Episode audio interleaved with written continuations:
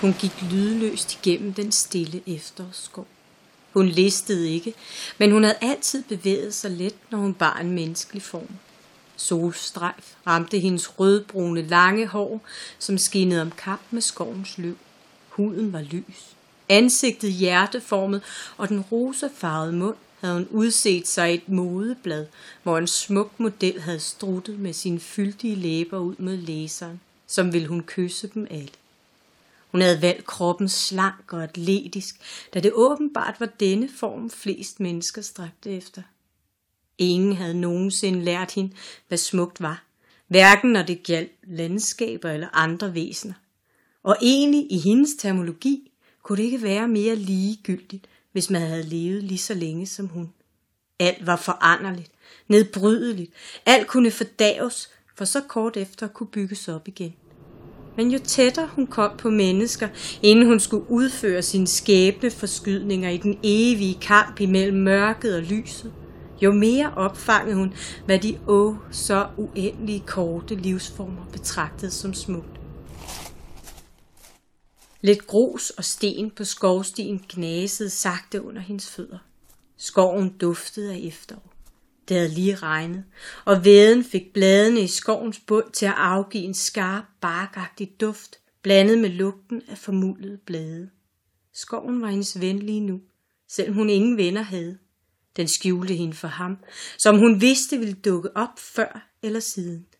Han ville ikke kunne genkende hendes nuværende udseende, men han ville kende hende alligevel.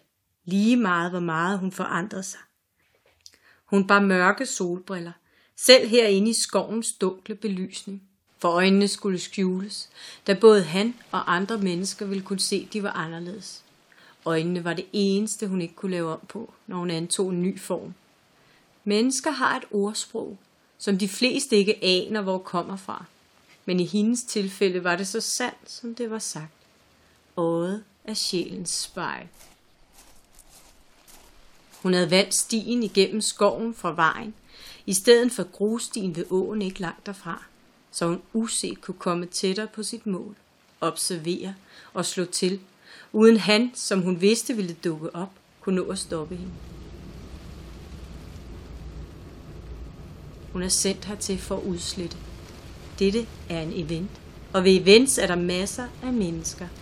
Hvis det lykkes hende at udføre sit job, så vil der komme stort opbud af politi og presse, og dermed omtale i medierne om det, der var sket. Hun kunne svagt se sit mål imellem skovens træer til højre for hende.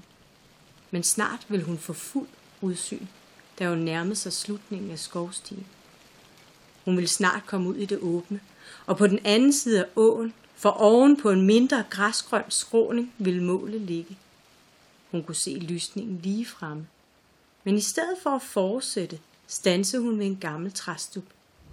Den var højere end hende, men i så skrøbelig stand, at ingen ville opdage, at den om få sekunder ville blive brugt som en test på, om hun var klar til at overbringe det, hun skulle.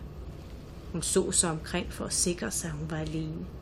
Hun gik helt tæt på stuben, strakte sig på tå og lagde sin ene hånd fladt på den ro bark, og lod dernæst hånden glide langsomt nedad. Hun følte intet andet end mod, da hendes hånd ændrede farve som glødende kul, der blev pustet til, for pludselig lyste den op i en skarp, advarende rød. En sirlig lille stribe af røg steg op, hvor hendes hånd bevægede sig ned over træstuppen og efterlod sig lugten af brændt og sveden træ. Hun trådte tilbage for træet. Ingen kunne se, hvad hun havde gjort, medmindre man gik helt tæt på. Man ville nok ikke tillægge det magi. Dette var sikkert. Ganske ligesom hvis det lykkes hende om ikke så længe at udlede alle de kræfter, hun rummede i sit altødelæggende indre ilden, som strømmede igennem hendes åre.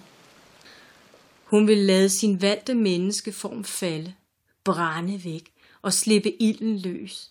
Lad den flamme ud igennem sine hænder, mund og øjne.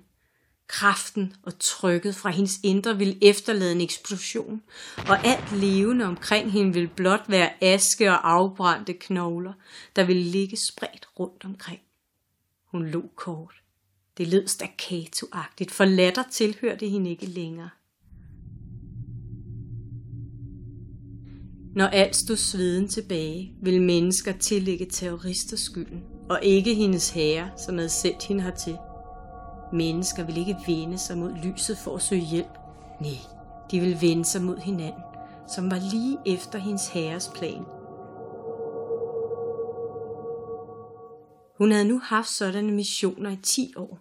Hun var dukket op til tilfældige forsamlinger rundt omkring i verden, hvor hun, for at fornøje sin herre, spredte ild, eksplosioner, død og ødelæggelse.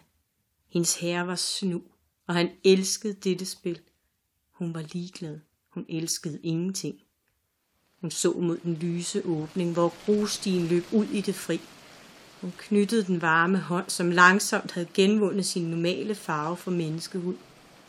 Hun var nu sikker på, at alt virkede, som det skulle. Nu skulle hun blot tættere på.